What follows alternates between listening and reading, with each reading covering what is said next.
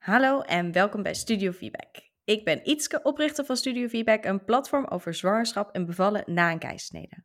In deze podcast deel ik mijn eigen ervaringen, mijn kennis als doula, maar ook inspirerende ervaringsverhalen en informatieve expert-interviews met als doel een positieve bijdrage te leveren aan jouw persoonlijke feedback journey.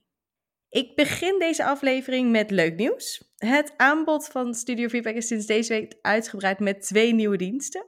Ten eerste bied ik naast de zwangerschapscursus en de uh, fysieke doula-begeleiding nu ook keisnede littekenbehandelingen aan. En ik spreek echt zoveel vrouwen die nadat de wond is hersteld nog heel veel last hebben van het litteken. En dat kan uh, ja, dan fysiek zijn, zoals pijn of jeuk rondom het litteken, last van je onderrug of last van je onderbuik bijvoorbeeld tijdens het sporten.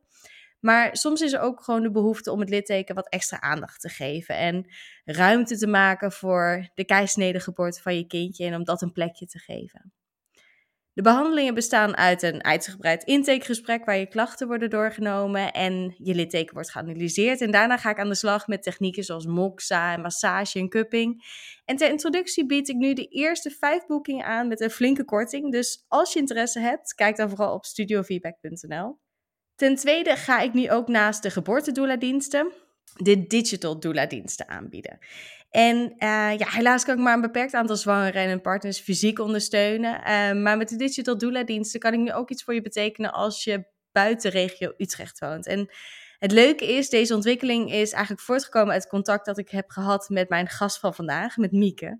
En uh, we hebben ter voorbereiding van haar bevalling meerdere keren telefonisch contact gehad, wat haar echt wel heeft geholpen om vol vertrouwen haar feedback aan te gaan. En ook toen ze voorbij de 42 weken zwangerschap liep. Wat die digital doula diensten nou precies inhouden, dat vind je op de website. Maar eerst gaan we luisteren naar het ervaringsverhaal van vandaag. Het contact wat uh, mij op de gedachte bracht om zo'n digitale doula dienst aan te bieden, was eigenlijk contact dat ik met Mieke had. En ik heb vandaag de eer om Mieke te gast te hebben in de podcast. Hartstikke welkom Mieke. Ja, hoi. Hartstikke leuk.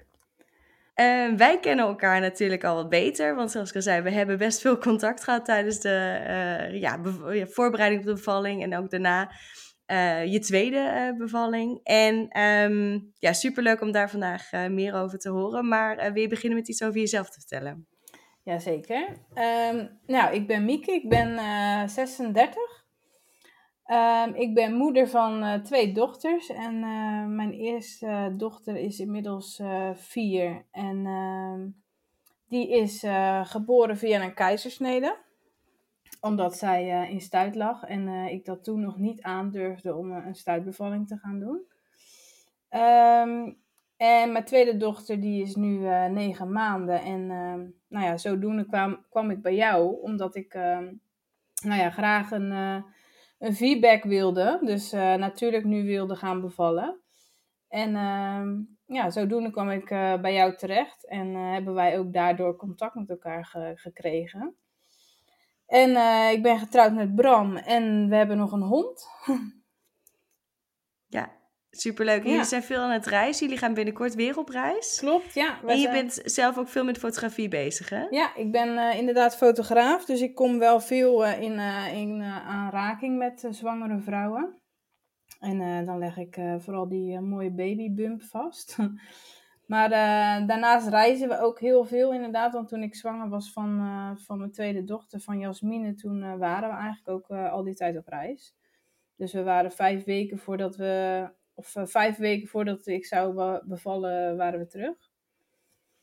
En uh, ja, dat is eigenlijk heel goed gegaan. Ja, laten we even kort uh, terugblikken op de geboorte van je oudste dochter. Dat was een geplande keizersnede. Ja, dat klopt. Ja. Hoe kwam je tot die keuze? Um, nou ja, zij, zij lag dus in, in stuit. En toen heb ik wel um, geprobeerd om een, om een versie te doen. Dus dat ze zeg maar gaan draaien. En nou ja, daar ging ik wel heel ontspannen in. Ik dacht, ja, ik weet niet wat het is. Ik had er wel verhalen over gehoord, maar ik dacht, ik laat het maar over me heen komen. En uh, nou, dat wilde niet. Uh, ze wilde niet draaien. Ze bleef vast liggen met haar hoofd uh, tussen mijn ribben. En nou ja, die meneer kreeg het niet voor elkaar. Dus ja, ze bleef in stuit. En ehm, ja, toen, toen had ik zoiets van, wat ga ik dan doen? Want dan hebben ze, geven ze je natuurlijk opties van, ga je voor een stuitbevalling of, of wordt een geplande keizersnede? Maar ja, wat ik zei, eh, toen durfde ik dat nog niet aan uh, om een uh, stuitbevalling te doen. Ehm, ja, ook omdat ik in het verleden een ongeluk met mijn stuit had gehad. En ja, ik zag het gewoon niet zo zitten. Ehm, dus toen, toen heb ik besloten om een geplande keizersnede te doen. En ook wel omdat ze zeiden van ja, je kan dan een stuitbevalling proberen, maar het schijnt dat het dan toch wel in zoveel gevallen toch uiteindelijk een spoedkeizersnede wordt. Toen dacht ik van ja, als het dan uiteindelijk toch een keizersnede gaat worden, dan kan ik beter een geplande doen, dan is het wat relaxter. Dus uh, ja, ik wist ook niet beter en toen heb ik daarvoor gekozen. Ja. En uiteindelijk heb ik daar ook heel goed, uh, kijk ik daar ook heel goed op terug hoor. Die uh, keizersnede vond ik echt ja, prima gaan eigenlijk. daarna was mijn herstel ook wel echt voorspoedig.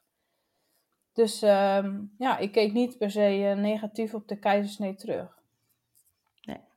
En was de, de keuze tussen bij de, de volgende zwangerschap of je dan vaginaal wilde bevallen of nog een geplande keisnede wilde, was dat voor jou een vanzelfsprekende keuze of heb je daar veel bij, uh, bij uh, stilgestaan?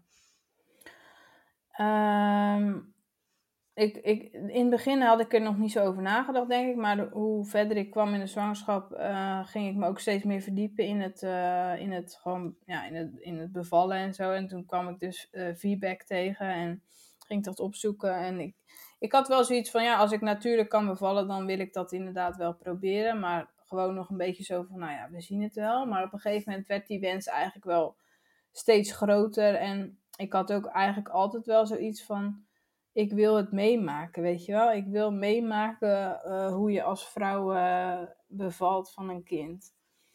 Um, en ook om, ja, ondanks dat ik dus niet uh, negatief op die keizersnee terugkeek, wilde ik het eigenlijk wel gewoon uh, heel graag natuurlijk.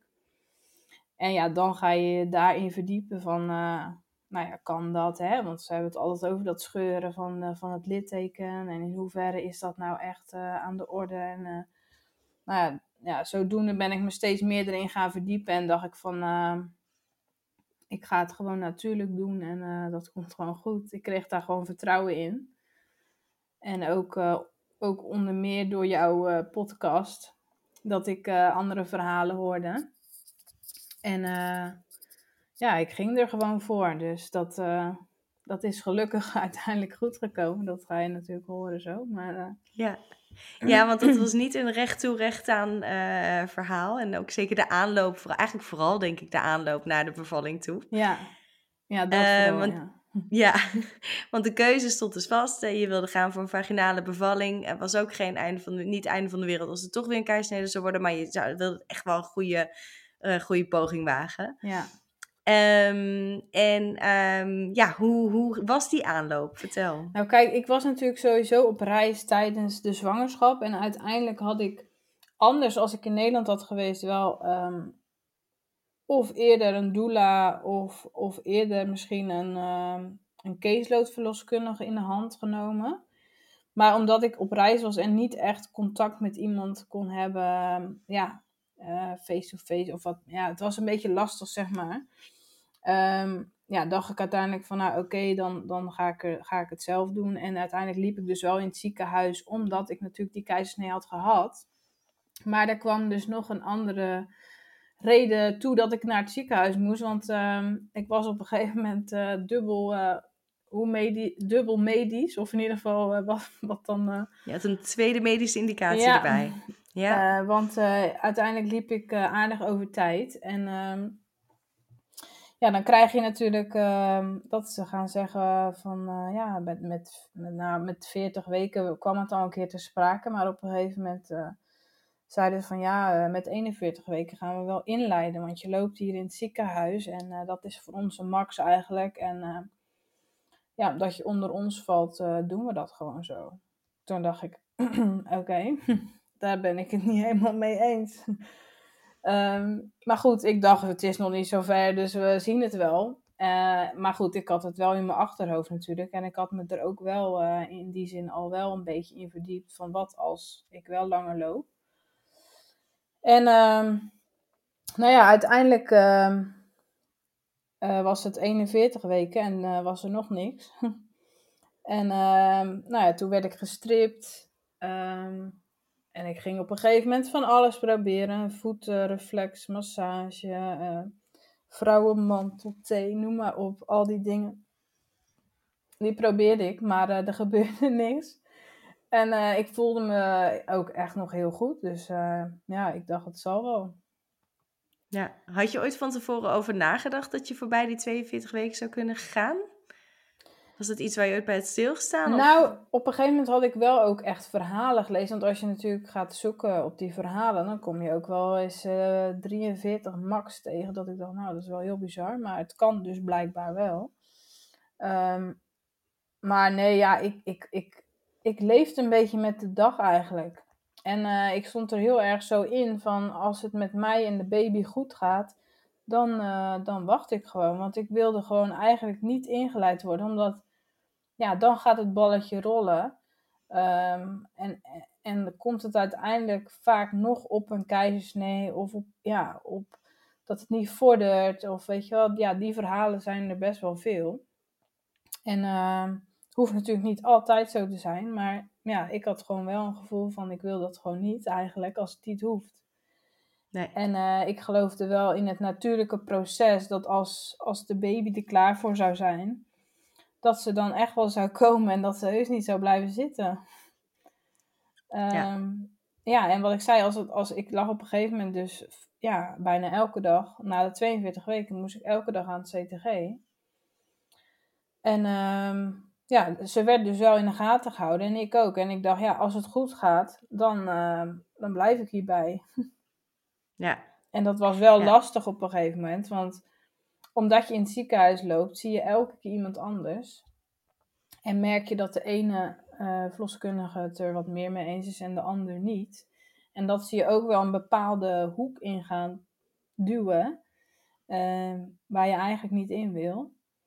En dan is het wel um, ja, belangrijk dat je je eigen standpunt houdt. En uh, ook echt voor jezelf opkomt. En dat heb ik wel ervaren, dat je dat wel echt moet doen. Ja, absoluut. Ja, want het is niet niks om telkens die, dat, dat gesprek weer aan te gaan. En uh, ja, mensen uh, kunnen heel verschillend reageren op iemand die dan een wens heeft die buiten de richtlijn valt. En ook die periode vanaf eigenlijk 41 weken is ons contact ook wat geïntensiveerd. Ja. Um, en we hebben uh, wat belletjes gehad. Uh, ik heb je heel veel informatie toegestuurd, ook rondom die serotiniteit, dus voorbij de 42 weken gaan. Ja. En dat is eigenlijk net als bij het maken van de keuze van waar, wat past bij je. Wil je die vaginale bevalling of wil je de, de geplande keizersnede? Um, verzamel de informatie die je nodig hebt om die keuze te maken. En, en wat jij ook heel goed hebt gedaan, van blijf dicht bij dat gevoel wat je eigenlijk hebt van wat is het beste voor mij en, en mijn kindje. Ja. En um, ja, die risico's waar ze het dan over hebben, ja, als ze zeggen ja, de kans verdubbelt omdat je kindje overlijdt. Ja, dat is gewoon een heel heftig uh, gesprek om dat dan uh, zo in je gezicht gesmeten te krijgen van, uh, van een zorgverlener. Maar als je dan weet van nou, welke kansen hebben we het dan precies over en van hoeveel procent naar hoeveel procent gaat het, dan helpt het natuurlijk gewoon enorm om dat in perspectief te plaatsen. En ja, um, ja wat ik zei, weer dichter bij jezelf te komen van oké, ja, bedankt voor deze informatie. Het is heel waardevol dat je dit met me deelt. Ik heb erover nagedacht en dit is mijn keuze. Maar dat gesprek telkens voeren, en zeker op een dagelijkse basis, zoals jij op een gegeven moment moest, ja, dat is niet leuk. Nee, en op een gegeven moment um, hebben wij dat ook echt aangegeven hoor. Want toen, hadden we, toen heb ik ook contact met jou gehad. Volgens mij, dat was één, één zaterdag. Toen was ik, denk ik, uh, toen was ik 41, 6 denk ik. Volgens mij die zaterdag. En uh, ja, toen had ik een, een verloskundige en ik, ja, die, die was heel erg... Uh, ja, gewoon van, uh, ja, het vruchtwater is te weinig. En uh, die ging allemaal dingen aan, aangeven dat ik dacht van, ja, dat is ook normaal dat het minder is. Of, ja, te weinig, zei ze, ik weet niet precies. Maar ze had heel erg te pushen van, nou, uh, ja, en het voelt allemaal goed om, om een inleiding te starten. En ik dacht, nou ja, als het zo goed voelt, dan zal het ook wel natuurlijk kunnen, weet je wel. Ik zei, maar die zat echt, en dat was eigenlijk gewoon niet fijn meer. Hoe die zat, uh, ja, toch wel een beetje ons een, bepaalde kant op zat te duwen. En uh, toen zei ze ook nog van, ja, nou, ehm, ik heb even met de planning overlegd, zegt ze. En om vier uur kan je worden opgenomen. Je kan nog even naar huis om je spullen te pakken. En zeg, worden opgenomen. Ik zeg, nou, dat, dat bepaal ik toch nog wel altijd zelf. Weet je wel. Oh, oh, nou, dan had ik het niet goed begrepen, zei ze. Maar nou, het was een beetje vaag. En uiteindelijk zijn we toen naar huis gegaan. Toen heb ik ook nog een belletje gepleegd met de geboortebeweging. En die hebben mij toen ook wel uh, ja, geholpen, ook in het standpunt van, nou ja, dat dat heel vaak wordt gebruikt, dat soort dingen, als je verder loopt. En ja, dat ze toch met bepaalde dingen komen om, om jou een beetje ja, overstag te krijgen. Ehm, maar ja, dus dat, was, dat maakte mij wel sterker. Dat ik dacht van ja, weet je, ik heb wel echt, ik, maak op zich gewoon de goede keus. Maar uh, ze, ja, ze proberen je natuurlijk een beetje aan twijfelen te brengen of zo. Ehm, en toen had ik die zondag daarna dus een afspraak. En toen hadden, we, hadden wij dat dus aangegeven. Want toen op een gegeven moment toen zei ik iets tegen die verloskundige of zo. Ze vroeg mij iets. En toen zei ze van, uh, het lijkt wel of je je een beetje bezwaard voelt, zei ze. Ik zeg, nou ja, dat kan wel kloppen. Want uh, gisteren had ik niet zo'n fijn gesprek. En uh, toen had ik het een beetje uitgelegd. En ja, die stond er weer heel anders in. En die vond het juist wel weer ja, goed dat we gewoon ons hadden verdiept. En ja, die, die respecteerde wel echt onze keuze. En ja, zij zei ook van nou oké, want wij zeiden op een gegeven moment... we willen wel uh, graag dat je er even een notitie van maakt. Want het wordt, ja, we vinden het niet fijn zeg maar, om, om dit nog een keer zo te ervaren. En dat had ze toen gedaan en dat is ook wel goed opgepakt. Want die dagen daarna heb ik niet meer, niemand er meer over gehoord. En uh, toen had ik wel die dinsdag, want dan heb je dus maandag had ik nog een afspraak. Die dinsdag had ik een afspraak en toen kwam Goede Vrijdag eraan. En uh, toen zei ze van, uh, die ik toen had, dat was ook een aardige vrouw. Die zei van, ja, want ja, op een gegeven moment, kijk, ik liep ook natuurlijk wel zo van, ja, hallo, hoe lang gaat het nu nog duren? Hè? Want ik bedoel, die zaterdag, waar ik net over had, toen, ehm, toen begon het bijna, dacht ik heb ik zelfs het ziekenhuis gebeld van nou, het gaat beginnen. En toen zeiden ze nou, wacht nog maar een half uurtje of een uurtje en dan bel je maar weer. Toen belde ik weer. Ik zeg ja, nog steeds. En ik had de weeënteller erbij gepakt. En uh, ik dacht nou, nou, dan gaat het gebeuren hoor. Maar toen uiteindelijk, toen zei ze, toen, ja, toen, toen zei ze nou oké, hoe laat kom je er dan aan? En ik zei nou ja, dan kom ik over een half uurtje. En nou, toen op een gegeven moment toen schrok ik wakker of zo van mijn telefoon. Toen belde het ziekenhuis van, nou ja, kom je er nog aan? Ik zeg, oh, wat erg. Ik zeg, sorry, ik ben in slaap weer gevallen, het is over. nou ja, dus tot, toen had het niet doorgezet. Uiteindelijk zei jij ook nog van, nou, dat, dat jij dat ook een beetje had, hè? Dat je, door de, dat je een keizersnede eerst hebt gehad, dat het dan toch wat langer duurt voordat het echt doorzet. Ja, nou, dat, dat bleek is dus. inderdaad een optie, ja. Uh, uiteindelijk had ik daardoor, door die nacht, wel uh, al 4 centimeter. Uh, maar toen heeft het toch nog een paar dagen geduurd. En uh, nou, toen had ik dus dinsdag die afspraak en toen zei ze van... Uh, ja, ze, want ja, wat ik zei, ik dacht ook van... Ik wil natuurlijk ook gewoon dat het komt. En eh, ik wil ook graag mijn baby ontmoeten. En ik was er ook wel een beetje eh, klaar voor van... Nou ja, laat maar komen. Want vooral meer omdat je elke keer weer um, beslissingen moet maken... die je eigenlijk niet wil maken. Hè? Dat vooral. Want verder voelde ik me nog steeds goed. Ik had niet zoiets van, oh, ik ben er klaar mee, ik kan niet meer. Maar meer dat, zeg maar, omdat je toch die druk van buitenaf een beetje onbewust voelt. Ehm, en toen, toen zei ik wel van, wat is dan een andere optie die natuurlijk, mm, hè, het meest natuurlijk is? Wat zou ik dan kunnen doen? Nou, kan je dus zeg maar... Uh, um, vruchtwater uh, breken, of zeg maar dat, uh, dat ze dat ja, doen. Vliezen. Vliezen breken. En ja. um, ze zeg maar dan, dan binnen zoveel uur uh, gaan we dan uiteindelijk alsnog starten met, hè, als het niet doorzet. Dus toen zei ik wel van nou, ik zeg dat vind ik dan wel te snel. Dan wil ik wel minimaal 6 tot 8 uur wachten uh, voordat jullie dan iets gaan doen. Maar ja, dan nog dacht ik van ja, als het dan nog niet begonnen is, gaan ze alsnog. Dus het liefst wilde ik dat niet. Maar goed, ik dacht dat is dan nog een optie om het uh, meest natuurlijke te laten gebeuren. Um, dus toen zei ze van, nou weet je wat, ze zegt het is Goede Vrijdag dan. En um, ja, het is wel een beetje druk met inleiden, noem maar op. En toen zegt ze van, nou anders dan maak je gewoon die afspraak alvast. Voor de zekerheid. En uh, dan, uh, eh, dan kun je altijd nog thuis erover nadenken en dan kun je hem altijd nog afbellen. Zo bracht ze het een beetje. Maar ja, hun dachten natuurlijk van, uh, dan staat ze er maar op. Want ze waren wel, ze wilden mij wel heel graag natuurlijk hebben daar.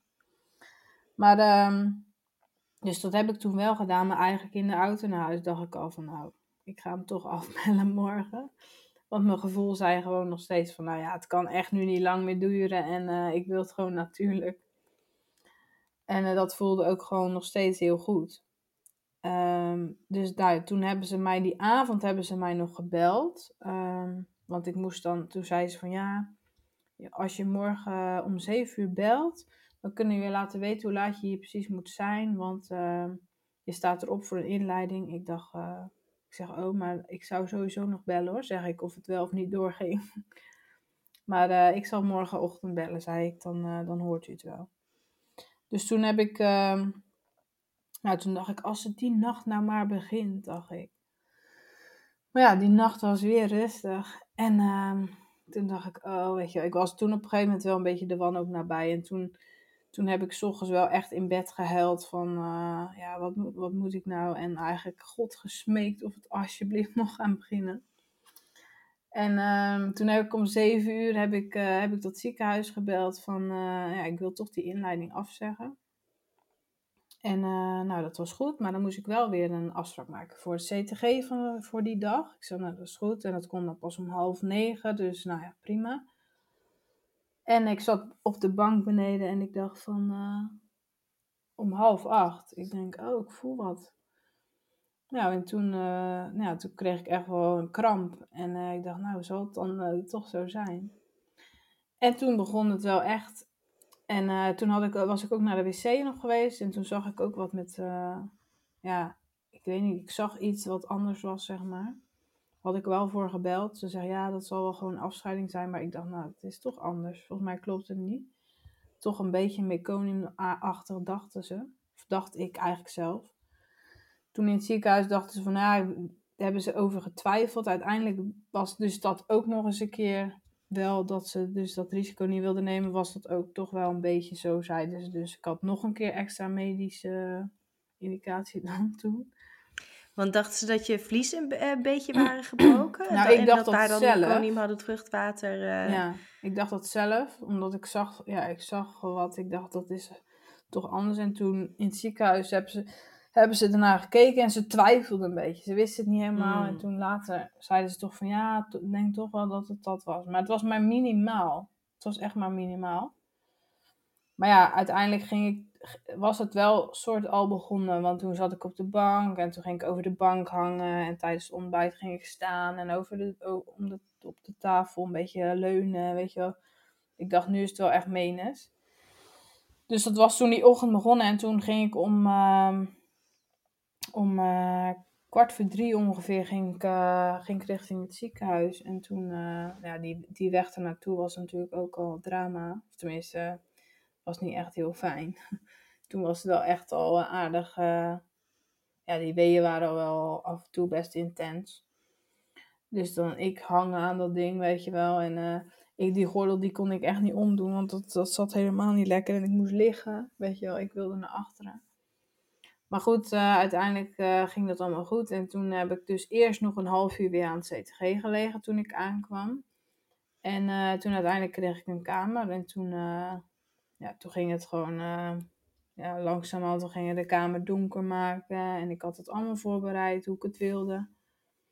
En om helemaal in die bubbel te komen. En ja, ik bleef maar bewegen omdat het op gang, uh, dat het op gang bleef gaan. Of, of, dat het goed door bleef gaan, zeg maar. En toen zei die verloskundige nog wel van... Ja, moet je niet anders even lekker douchen? Toen dacht ik van ja, ik weet niet eigenlijk. Maar goed, ik dacht ik doe het wel even. Maar ik had daar niet zo'n goed gevoel nog bij. Ik dacht straks dan gaat het afzakken, weet je wel. Ik dacht nu moet het wel echt gewoon doorgaan. Dus uh, ik had wel even gedoucht, maar... Uh, Nee, heel kort. Ik dacht, het is nog niet het moment voor of zo. Ik had nog niet heel erg de behoefte eraan. Dus ik zat op die bal een beetje en ik bewoog. En uh, uiteindelijk had ik natuurlijk CTG en ik had draadloos CTG dan. Maar ja, zodra ik op die bal ging zitten, was, ging dat ding weer uh, aan de andere kant. Ging dat alarm weer af. Dus toen kwam er weer iemand. Nou, dat was op een gegeven moment best wel een beetje vervelend. En eh, op een gegeven moment zei ik ook van, ehm, of nou ja, ik, ik zei daar toen nog niet zoveel over, maar ik had wel met jou al eerder gehad over uh, schedelelektroden natuurlijk. En ik dacht eigenlijk van, nou dat wil ik liever niet, maar ja, jij zei ook van, hè, als het dan je bewegingsvrijheid zeg maar wel vergroot, dan uh, ja, is het wel goed om erover na te denken om het wel te doen. Nou, uiteindelijk was dat vrij duidelijk, want op een gegeven moment toen ik zo ver was uh, dat ik in bad mocht. En ze kwam met zakjes aan om, om, dat om die CTG te doen. Toen dacht ik van, nee, dat gaan we niet doen. want toen zei Bram ook van, doe nou maar gewoon zo'n draadje. Want ja, als je dan elke keer in je bubbel zit en je wordt elke keer, zeg maar, onderbroken omdat er weer iemand aankomt, dat was niet fijn. Dus toen heb ik wel uh, voor die schedelelektrode gekozen. En uh, ja, toen ik uiteindelijk dus met, want toen met 6 centimeter ongeveer, mocht ik in bad. Toen moest ik wel naar een andere kamer. Dus toen moest ik even de gang oversteken, maar dat ging op zich wel goed. En ehm, nou, toen stond daar het bad klaar. En nou, dat was voor mij, echt een, voor mij echt een verademing om erin te gaan was heel fijn en ik kon heel goed uh, de weeën opvangen. Ik ging gewoon lekker als een vis in het water. Uh, ik heen en weer. En um, um, ja, uiteindelijk toen op een gegeven moment... Toen moest ik er nog een keer uit en dan wilden ze nog een keer, maar ik wilde er het liefste niet uit. Ik ben er uiteindelijk volgens mij één keer uit geweest nog dat het echt moest. Of tenminste, ze wilde echt. Ze had eerst nog een keer gezegd: van ja, moet je nog een keer plassen of zo. Ik zei: Nou, uh, dat doe ik wel lekker in dat bad. Ik had toch heel veel water gedronken, dus het was bijna water. Ik zei, nee hoor, ik hoef niet te plassen. en dan moesten ze nog een keer nieuw water erin doen, omdat het dan verwarmd moest worden weer. En normaal Want wilden ze toucheren buiten bad? Of uh, waarom wilden ze jou graag eruit hebben? Ja, uiteindelijk wilden ze dat dus ook nog een keer doen, of uh, kijken. Um, maar die uh, eerste paar keer en toen met dat, met dat water. Ze wilden dus het water verwarmen weer. Want om de zoveel uur weer, zeggen ze ook dat het goed is om er even uit te gaan. Hè? Ja. Ja, dus, dus ze zei van nou dan uh, kunnen we meteen even het water uh, weer verwarmen. Maar ik wilde er echt niet uit. Ik weet niet, ik vond het gewoon heerlijk en het ging goed. En ik dacht nou ik blijf erin. Ja. Maar um, dus toen hebben ze uiteindelijk dat water hebben ze wel zeg maar ehm, uh, bijgevuld met, uh, met emmers en uh, met een. of tenminste met emmers eruit gehad, want ze hadden geen pomp of zo, weet ik veel. En toen met, met een slang warm gedaan. En toen ging ik gewoon een beetje in de hoek van dat bad. En ze deed een beetje zo met haar hand. En ik dacht, nou, want dat doen ze dan omdat het anders te heet natuurlijk is. Een beetje gevaarlijk kan zijn misschien, omdat het tegen je aankomt. Maar dat ging verder prima. En um, nou, toen uiteindelijk moest ik er dan toch wel inderdaad één keer uit, want ze wilden nog wel één keer voelen. Ik denk dat ik er één keer uit ben geweest, of twee keer, dat weet ik nou niet meer goed. Maar volgens mij één keer, sowieso die ene keer weet ik nog, want ze wilden dus voelen met een W. Um, en hoe ver ik dan was, zeg maar. En toen was ik op een gegeven moment, uh, was ik 9 centimeter met een randje, hadden ze het over. En uh, nou ja, dat was dus heel even snel. En dan doen ze even snel nog bloeddruk meten en even al die dingen, weet je wel, die ze dan moeten doen. Want het was echt, dat ging echt best wel snel. Want ik wilde zo het liefst zo gauw mogelijk weer dat bad in. En uh, dus dat was eigenlijk vrij snel gedaan. En uh, nou, toen zat ik er weer in. En ja, toen, het, het werd gewoon steeds intenser. Want ik denk dat dat rond half twaalf was. En toen op een gegeven moment was er wisseling van de wacht, dus toen kwam er een andere, andere verloskundige. En uh, toen op een gegeven moment uh, zag ik dat en toen zei ik van, uh, want die had ik dus wel eens gehad met 41 eh, weken toen ik afspraak had. Dus die herkende ik, dus ik, zei, ik was gewoon ook wel bij en zo. Dus toen zei ik nog van, hé, hey, wij kennen elkaar al. En nou, heel even zo'n praatje toen ik dus even geen wee had. en... Um, nou, maar zij was heel relaxed ook en ze wist ook mijn wens. En ze liet mij ook gewoon uh, mijn ding doen, zeg maar.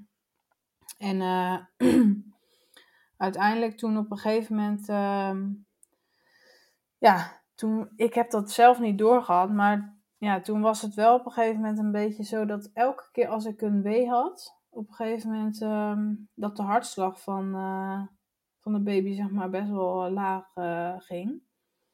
En ehm, ja, Bram vond het best wel spannend, want het was echt wel een paar keer best wel eh, laag.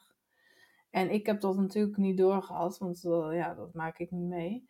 Maar toen op een gegeven moment zei zij wel, die verloskundige, van, ze zegt leg de vacuümpomp en de schaar maar wel klaar voor de zekerheid. Hoorde ik te zeggen.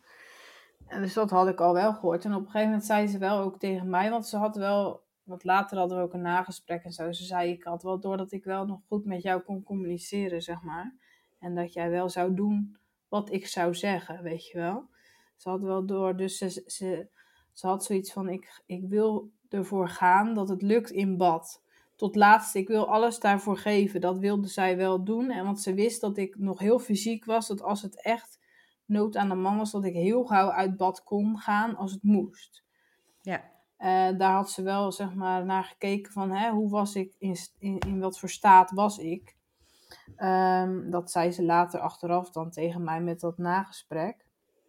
Maar uh, op een gegeven moment zei ze dus toen tegen mij van... Uh, ze zegt, de baby geeft je nu nog twee kansen om natuurlijk te komen. Ze, dus ik had zoiets van, oké, die kwam wel binnen. Dus uh, toen dacht ik bij de volgende week echt van, nu moet alles uh, komen. En Bram zei ook, toen, toen jij dat hoorde, toen uh, veranderde je in een soort oorlogsmachine. En toen dacht je, nu moet ze eruit.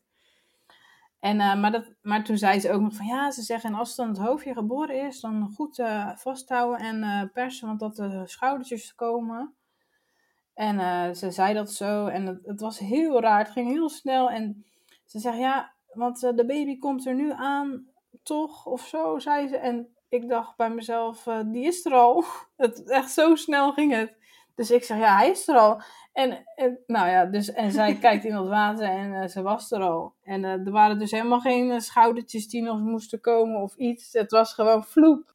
Oh, wat goed zeg. Ja, en dus ja, ik was zelf gewoon helemaal flabbergasted dat het gewoon, dat ze eruit was. Het, ging echt, ja, ze was gewoon klein. Maar dat was Samira ook, dus ik, ik krijg blijkbaar gewoon kleine kinderen. Maar ehm, ja, dus toen, toen heeft zij er eigenlijk ja, want ik had dus wel zoiets van, ik wilde zelf aanpakken en zo. Maar dat is helemaal niet gebeurd, want het ging veel te snel. Dus ze lag in dat water. Toen heb zij er ja, aan, mij, uh, aan mij aangegeven. En uh, nou ja, dan ben je natuurlijk helemaal ontlading. En uh, ja, dat was natuurlijk een hartstikke mooi moment. En ja, toen wist ik nog steeds niet of het een jongen of een meisje was. Dus toen, toen keken we pas van, wat is het eigenlijk? Nou, toen was het een meisje. Ja, superleuk. Ja. En het was gewoon gelukt. En het was gewoon gelukt. En dat ook echt. Dat gevoel ook echt. Van het is gewoon gelukt. En we hebben gestaan voor wat we wilden. En het is gewoon gelukt. En ja, dat vertrouwen wat je hebt gehad, dat het goed komt, dat het dan bevestigd wordt en dat het, dat het inderdaad gelukt is, dat is zo mooi. Ja, echt gaaf. Ja, en, en dan denk ik ook uh, achteraf, weet je wel, van. Uh, toen zei ik ook van, uh, ja, en hebben ze het er dan nog wel eens over gehad? Hè? Want dan denk ik van mensen die dan hebben gedacht van, oh, dat is gevaarlijk en zo. Dan denk ik van, moet je kijken hoe het gegaan is, weet je wel? Ja. Ja. Nou ja, wat, wat, het klinkt wel ook alsof ze in ieder geval tijdens je bevalling er niet op teruggekomen zijn. En dat, dat is, vind ik wel heel belangrijk. Zeker tijdens zo'n baring, dat je iemand gewoon in, uh, in zijn waarde laat. En niet op dat moment nog even hier en daar een opmerking over een bepaalde keuze nee. gaan maken. Weet je, je bent er op dat moment gewoon om zorg te verlenen. En uh, niet om je mening te verkondigen over uh, keuzes die, uh, die op een ander moment zijn gemaakt. Nou, denk ik dat dus ik dat natuurlijk ook wel, heel anders erin had gestaan als die ene vrouw van die zaterdag was geweest. Ja. Hè? Dan, had, ja. dan was het heel anders. Of tenminste, ja, dan had ik ook helemaal niet fijn misschien me bijgevoeld.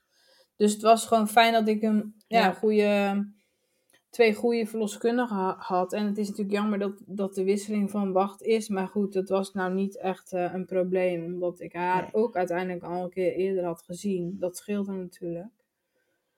Maar uh, ja, het was gewoon heel bijzonder ja, hoe het gegaan is. En uiteindelijk uh, is alles gewoon gegaan zoals dat we gehoopt hadden. Ja. En uh, ik, denk, ik denk echt dat dat dus wel uh, komt doordat je je gewoon zo goed voorbereidt. Uh, en dan nog weet je nooit, hè? Want je kan alle scenario's moet je ook openhouden. Maar je weet wel uh, waar je voor kan komen te staan. En heb daar al een soort van over nagedacht wat je dan doet. Of zo, ja. Ja. ja. Je staat gewoon ja, wat sterker, denk ik. Ja. Nee, ik vond het zo mooi ook wat je zei over dat je dan echt even zocht een flinke haalbui had gehad. Ik denk dat dat ook super belangrijk is om dat toe te laten. Ja. En dat kan juist soms ook even een soort emotionele blokkade oplossen. Dat je gewoon echt denkt van ja, verdorie jongens. Ik zit hier gewoon zo mijn best te doen. Ik, ik bereid me voor. Ik, ik uh, uh, maak mijn keuze. Ik doe mijn research. Ik heb vertrouwen. Ja. En dan gebeurt er toch niks. En die frustratie, dat moet er soms dan gewoon echt even uit. En dat kan zo ontzettend goed helpen. En als je, uh, als, ja, soms kan het huilen zijn. Soms kan het gewoon al die gedachten opschrijven. Weet je, zoiets om het gewoon uit je systeem te krijgen. Dat kan ook al heel enorm helpen bij, bij het op gang krijgen van een bevalling eigenlijk. Ja. Dus uh, ik denk dat dat echt een, een, ja, een belangrijk moment is geweest als je dan een beetje, een beetje zo terugkijkt. En wat ik ook nog dacht, wat opviel uit je verhaal, is die draadloze CTG versus een schedelelektrode. En daar hebben we het inderdaad over gehad, dat behandel ik ook in de cursus. Want juist bij een feedback willen ze gewoon heel graag een continu uh, lezing van ja. de, de harttonen van de baby en van je W-registratie. En ja, zo'n CTG, ook al is die draadloos, ja, dan, dan heb je wat meer bewegingsvrijheid. Maar die bewegingsvrijheid dat je hem hebt, betekent ook dat je hem gaat gebruiken. Namelijk, je gaat een beetje heen en weer wiebelen, uh, of met je heupen gewoon heen en weer, of op zijn bal, of dus ook in bad. Ja. En dat kan allemaal. Alleen, ja, bij de een blijft die CTG-registratie dan beter dan bij de ander. En het kan enorm verstorend zijn als er dan gewoon telkens iemand binnenkomt en zegt: Hoi, je weet je, ja. ze doen het nog zo lief. Ja. Maar ja, is toch iemand die aan je zit te friemelen terwijl je weeën op zit te vangen. En ja, dat is goed om van tevoren ook na te denken van oké, okay, een alternatief is die schedelelektrode. Wat houdt het precies in? Het betekent ook dat er voor je verliezen uh, gebroken moeten worden. Nou, als ze al gebroken zijn, dan hoef je daar niet per se bij stil te staan wat dat betekent. Maar als ze nog niet gebroken zijn, ja, dan kan, is het goed om even na te denken van is dat een keuze die ik nu wil maken? Wat voor invloed zal dat hebben op mijn uh, bevalling? Want breken van de vliezen is niet altijd de juiste oplossing. Dus om daar dan bijvoorbeeld ook de brains op toe te, uh, los te laten, is, uh, is ook een hele goeie. Maar het is altijd wel goed om van tevoren even erover nagedacht te hebben. Dat je niet op dat moment ineens denkt van ja, shit. Ja, en... Hoe sta ik daar eigenlijk tegenover? En uh, ja, je denkt natuurlijk erover na van, oh, dat is een raar idee dat ze dan iets in dat hoofdje draaien. Want ja, dat is het een beetje natuurlijk, dat je daarin verdiept en dat je dat liever niet wil. Ja. Maar ja, uiteindelijk, als ik er nu op terugkijk, denk ik van ja, het is minimaal. En nou had ze bij mij nog zelfs uh, dat het pas bij de derde keer goed zat, omdat ze het juist extra voorzichtig wilde doen. Pakte die het elke keer niet goed. Dus ik zei nog van nou, dan heb je straks drie littekens zeker, weet je wel. Maar uiteindelijk uh, heeft ze helemaal geen littekenen meer aan overgehouden hoor. Maar uh, ja, inderdaad, kijk, dat, dat ik die, die uh, research al had gedaan, dat scheelde wel op dat moment gewoon. Dat ik gewoon dacht ja. van ja, weet je, ik kies hier nu gewoon voor, dat is nu de beste keuze. En als je ja. op dat moment nog nooit van zo'n draadje hebt gehoord of ja, dan is het misschien heel anders. Dan denk je van, oh, uh, ja, ik weet niet. Ja, nee, absoluut. En um, ja, dat toes, je ging toen lekker in bad. Uh, dat kan dus ook heel goed met de draadloze CT of de, de schedelelektrode ja, of de draadloze CTG. Maar schedelelektrode ja. leest dan eigenlijk ook veel beter dan, uh, dan de uh, draadloze CTG.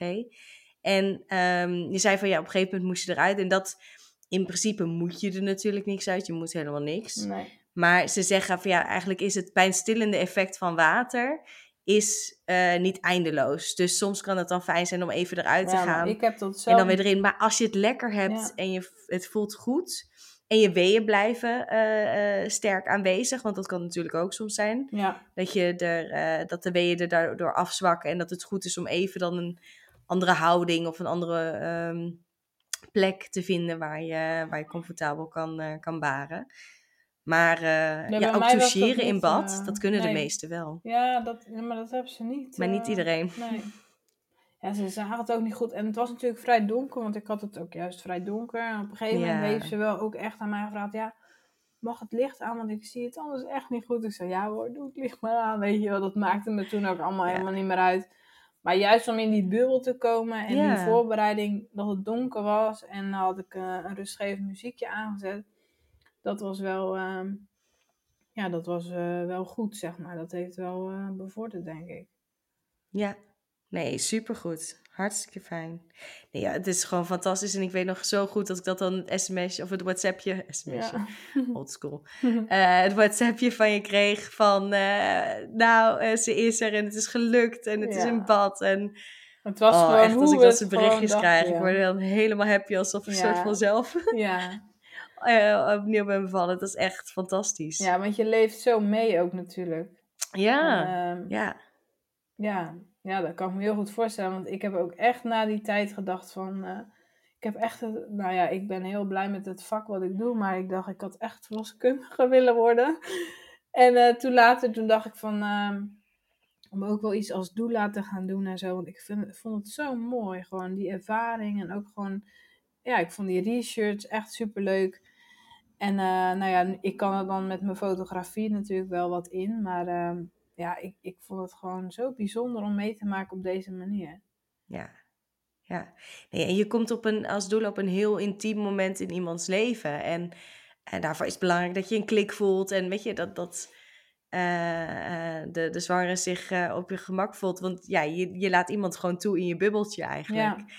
En eh, juist de waarde ligt hem in dat je heel kwetsbaar durft te zijn over je angsten en je dromen en wat je wenst voor je bevalling. En ehm, ja, dat is enorm bijzonder als je dat, eh, als je dat zo dichtbij mee mag maken. En ja, zelfs, dus voor mij was het ook de eerste keer dat ik zo'n digitale doula ervaring had. Maar zelfs dan leef je enorm mee en denk van ja, oh, je staat zo voor wat je wil en je bent zo dicht bij je gevoel. En ik had er ook heel erg vertrouwen in dat als eh, je op een gegeven moment je gevoel zou zeggen, hmm, misschien is het toch iets of mijn grens is hier en, en we gaan nu of voor de inleiding of ik wil dan liever gewoon een, een geplande gentle keizersnede, dat je daar ook heel goed naar zou luisteren. En dat hoor ik ook terug Ja. van dat die zorgverlener dat ook had gezegd van je was nog heel goed eh, eh, je, je, kon, ja, je kon gewoon heel goed nog met jou communiceren. Je, je was nog in contact met en heel dicht, diep met jezelf in contact. Maar je kon dat ook gewoon nog eh, communiceren met de buitenwereld. Ja, ja maar, maar zo heb ik er ook wel altijd in gestaan. Hè? Ik had die wens en ik had er vertrouwen in. Maar als het voor mij niet meer goed zou voelen, of ik zou denken, ehm, hè, het, ja, of het zou niet goed gaan met de baby of iets, ja, dan is de keuze makkelijk gemaakt. Dan, dan Ja. eh, ga je gewoon eh, mee in wat er dan moet gebeuren. Ja. Maar ja, zolang het voor mij eh, goed voelde en het ging eh, met haar goed, Ja. ja, ehm, had ik zoiets van, dan, dan gaat het ook gewoon goed komen.